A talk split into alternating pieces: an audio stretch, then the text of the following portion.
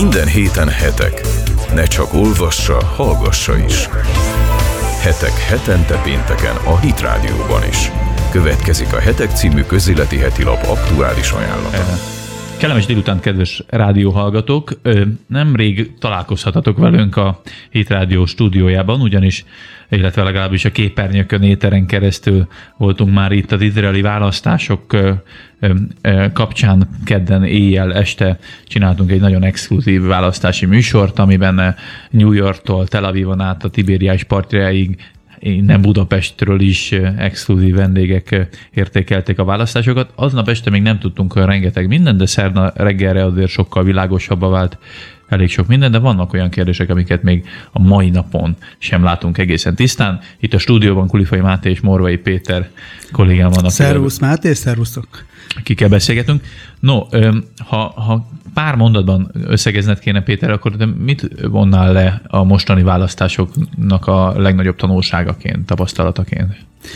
Hát mindenképpen azt, ami a, a hetek legfrissebb számának a címlapján is szerepel már megállapításként, tehát a jobb oldal egy történelmi győzelmet aratott. Ugye történelmi győzelem ez a Likud számára és Netanyahu számára, mert a jelenlegi miniszterelnöknek ez az ötödik választási győzelme, de az ő vezetésével a Likud most szerzett legtöbb mandátumot, tehát a 120 tagú Knessetben 35 képviselőjük lehet, aminél csak Ariel Sharon szerzett többet még 2003-ban. Viszont a jobb oldalnak a történelmi sikeréhez a Likud mellett az is hozzájárult, hogy a szövetséges pártok is jól szerepeltek, talán egy kivétellel, de megerősödtek az előző 2015-ös választáshoz képest a vallásos cionista pártok, megerősödött a kisebb pártok közül is várakozáson felül szerepelt a Viktor Liberman pártja, és hát ami, ami kérdőjel, amire utaltál is, hogy még két nappal a választás után nem lehet biztosan tudni, legalábbis most, amikor beszélgetünk, hogy Naftali Bennettnek az új pártja, az új jobboldal végül is be tud-e kerülni a Knessetbe, vagy sem. Néhány száz vagy egy-két ezer szavazaton fog ez múlni. Ugye, ugye az izraeli választási rendszer úgy működik, hogy nagyon kedved a kisebb pártoknak, ugyanis viszonylag alacsony a bejutási küszöb, és mivel talán az Izrael történetében majd, hogy nem soha nem volt olyan, hogy egyedüli párt tudott volna alakítani én. kormányt, ezért, ezért már berendezkedett úgymond az egész politikai paletta a koalíció képességre. Tehát most talán úgy kell elképzelni, hogy minden létező miniszter, ha úgy dönt, akkor fogja magát és külön pártot alakít, és e- ezzel kalkulálnak is a, a szereplők is. A bejutási küszöb az maga 3,25 százalék is, amit említettünk, hogy Naftali Bennett volt oktatásügyi miniszter, aki tulajdonképpen eleve az egész előrehozott választásokért részben felelős, mivel ő borította azzal a billit, hogy a megüresedett védelmi miniszteri posztra bejelentkezett, azt nem kapta meg, és ezért úgymond dacból megvétózta a kormány képességét a koalíciónak, és ugye külön pártot is alakított, mert ő eredetileg egy zsidó otthon nevű viszonylag vallásos cionista pártnak volt a, a vezetője, és erős embere, és ő abból kiválva az egyik képviselőtársával, Ayelet Sakeddel, aki meg az igazságügyminiszter, alakítottak egy új pártot annak a reményében, hogy majd szekuláris szavazókat, jobboldali szavazókat, akik még Benjamin netanyahu sem tartják eléggé jobboldalinak, azt majd be fogják vonzani, és sokkal több mandátumot szereznek a jobboldalnak. Most mégis úgy tűnik, hogy simán elképzelhető, hogy három-négy mandátumtól el megfosztották a jobb oldalt, hogyha nem siker megugrani. Igen, miközben, miközben az a párt, a, a zsidó otthon a várakozásokat messze fölülmúlva bejutott igen. a Knessetbe. Mondjuk ehhez az is kellett ám, hogy a, a Netanyahu jól felismerve a kockázatokat őket bele kényszerítette, vagy bele kérte egy olyan koalícióba, ami, ami ugye nagy vihart is kavart. Igen, mindenképpen ehhez a választási eredményhez hozzájárult az, hogy, hogy Netanyahu-ról eddig is lehetett tudni, hogy, hogy rendkívül jó stratéga és egyéb képességei mellett a választásokhoz is, választási kampányokhoz is nagyon jól ért, és előre gondolkodik, szinte a választók fejével gondolkodik előre, és látta azt, hogy itt azért reálisan fölmérve, hogy egy, egy erős, talán az eddigi, eddigi kihívóiknál erősebb ellenféllel kell szembenézni. Ez a Benny Gantz és Jair Lapid féle kék-fehér szövetség, amelyik itt még szinte nem lehet egész pontosan a végeredményt tudni, de, de azért nagy valószínűséggel egy döntetlen eredményt tudott elérni a nagyon jól szereplő Likuddal szemben. Azt azért érdemes itt pontosítani, mert, mert sok helyen úgy jelent meg, mintha a, a semmiből most hirtelen alakult volna egy vadonatúj párt, amelyik két, csodapárt két-három hónap alatt a Knesset mandátumainak közel egyharmadát megszerezte, ez nem egészen így van. Benny Gantznak a politikába való bekapcsolódás az valóban egy új lépés volt, ő új szereplőként jelent meg, és hát ilyen módon az általa verbuvált, főleg volt tábornokokat felvonultató párt az új volt, de miután csatlakozott hozzá, vagy, csatla, vagy egyesültek, szövetségre léptek Jair Lapidnak a Yes Atid nevű pártjával. Azt már nem lehet mondani, hogy ez, egy, ez új formáció teljesen új lenne, hiszen Lapidék közel egy évtizede vannak a politikában, 2012 óta, és a 2013-as választáson például 19 mandátumot Ők voltak a második legnagyobb erő akkor. Szereztek meg második legnagyobb erőként, és a, a későbbi választáson is 10 mandátum fölött nyártak. Tehát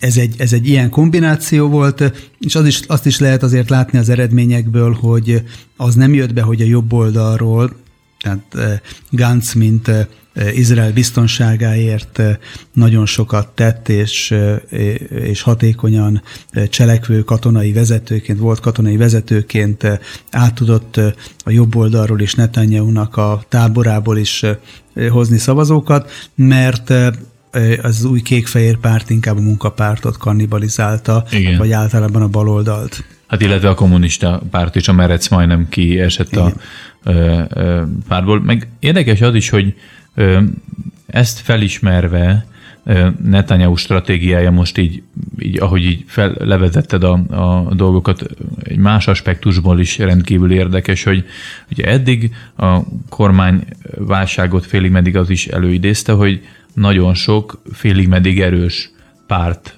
volt a, a Likud mellett. Tehát a Likud volt mindig is a nagy testvér, de annyira nagyon nagy nem volt, hogy, hogy ne kelljen engedményeket tennie miniszteri posztba. Most viszont azt látni, hogy egy 35 mandátumos kiemelkedően nagy befolyású koalíciós szerephez jutott a Likud, tehát sokkal nagyobb mozgástere van, valamint az ultraortodox pártok, amik eleve egy természetes szövetségesei a Netanyahu által képviselt spirituális szionizmusnak, ahogy talán mondta német Sándor a hetek alapító főszerkesztője itt a választási műsorunkban, hogy, hogy mellé betársulva a két nagy vallási cionista párt, ultraortodox párt, így igazából egy akkora nagy befolyást gyakorolnak a jobboldali tömbben, hogy az olyan szereplők, mint például a Kahlon vagy a, vagy a Lieberman nem tudnak akkora befolyáshoz jutni, amekkora esetleg veszélyeztethetné rövid időn belül a teljes ko- koalíciós képességet. Igen, illetve... Tehát átrendeződött a jobb oldalon is így az erőviszonyok, Netanyahu ö, ö, részére vagy Igen, illetve, illetve még ebbe a mostani eredménybe még az is belefér, hogy akár a, a kisebb által említett nem természetes, nem alapvető szövetségesnek számító pártok közül, ha az egyik mondjuk kilép a koalícióból, mint például Moshe Kaklon, aki azt mondta, hogy hát ha vádat emelnek Netanyahu-val szemben, akkor ő nem marad benne a kormányba, még ez sem ö, ö, hoz létre kormányválságot. Igen. Tehát ez maradt, egész, maradt egy ilyen tartalék. Egészen különleges ez a, a felállás. És megint egy másik kérdés, hogy, hogy vajon mi lehetett annak az oka, hogy a Naftali Bennett féle kezdeményezés az ennyire csúfosan elbukott. Ennyire rosszul számolta ki a, a Bennett az, hogy, hogy van egy olyan vá, jobboldali választói réteg, akit, akinek nincsen pártja? Vagy Mert ugye a, fel, a közvélemény kutatások nekik 7-8-9 mandátumokat mértek.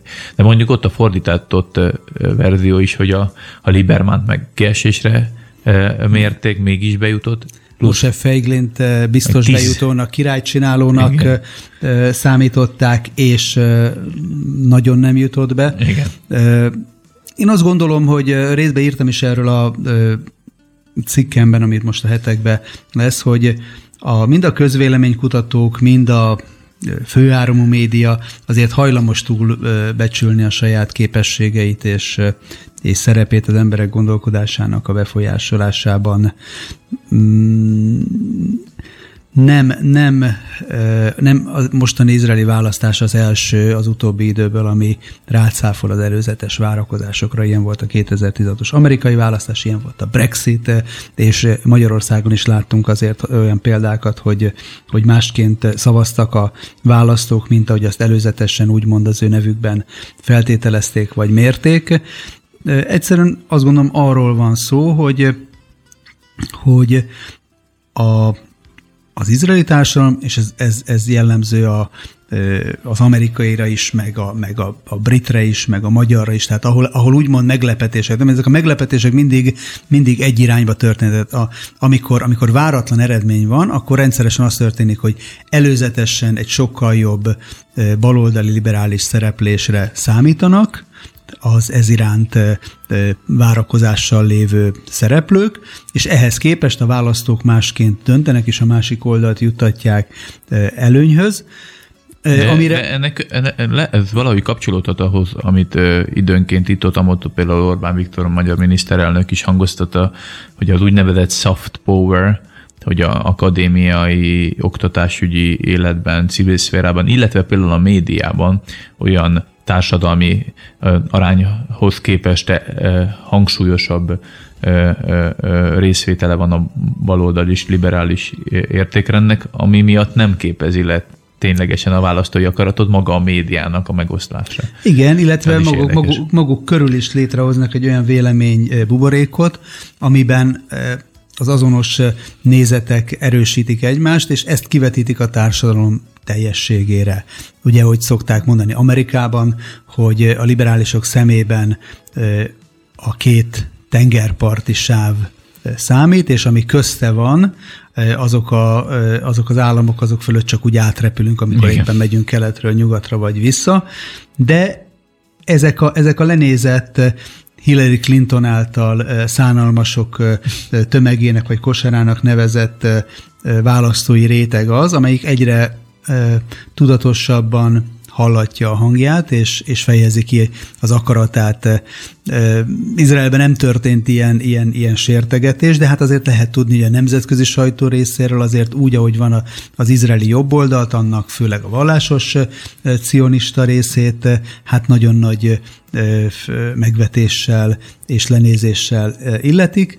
Ezek a lenézett választók, vagy akár lefasisztázott, leszélső jobboldalizott választók most meg elmondták a szavazataikon keresztül, hogy ők Izrael továbbra is egy nemzetállamként a saját védelmét határozottan biztosító, öntudatos, céltudatos országként szeretnék látni a jövőben, és, és olyan politikusokat, olyan politikai erőket választottak, amelyektől az, arra számítanak, nem alaptalanul, hogy ezt biztosítani fogják. Ez nagyon sokaknak nem tetszik a nemzetközi életben, de de ettől demokrácia, a demokrácia, és ez, amit el kellene ugye fogadni, Igen. nem csak akkor, hogyha az egyik tábor számára kellemes eredmények születnek, hanem akkor is, hogyha nem, hogy hogy a döntés a választóknak a, a kezében van. Ez nyilván felelősséggel is jár, de ha egy egy határozott többséggel, mint hogy most láttuk, azért Izrael egy határozott többség alakult ki, amellett állásfoglalnak, akkor, akkor az fogja meghatározni a következő időben annak az országnak az irányvonalát, politikáját, és ezzel kell együtt élni. Ennyi volt már a, a Hetek magazin. Az izraeli választásokról beszélgettünk Morvai Péterrel, a Hetek robotvezetőjével, és ajánlom mindenkinek nagyon a figyelmébe a mostani lapszámunkat, mert egyrészt Benjamin Netanyahu-nak a politikai karrierjéről egy nagyon érdekes cikket olvasható Gavra Gábor tollából, Morvai Péter is jó magam pedig az izraeli választások tanulságait, eredményeit értékeltük, de készült szintén egy nagyon érdekes interjú Daniel pipes aki talán a, a vezető amerikai közel-kelet kutató, hogy ő hogyan látja a, a nemzetállamokat, szuverenizmust, az úgymond úgynevezett civilizációs pártoknak a jövőjét, az európai parlamenti választásokat, de olvashattok a, az őzegerekre vadászó bagyokról és ennek evolúciós tanulságáról, illetve arról is, hogy a DNS tesztek, amiknek a reklámjaiba állandóan belebotlatok, azok vajon mennyire megbízhatóak, és mennyire érdemes ezeknek hitelt adni. Vásároljátok meg a hetek legfrissebb számát, ajánljuk mindenki figyelmében, most pedig további jó rádiózást nektek, sziasztok! Szervusztok!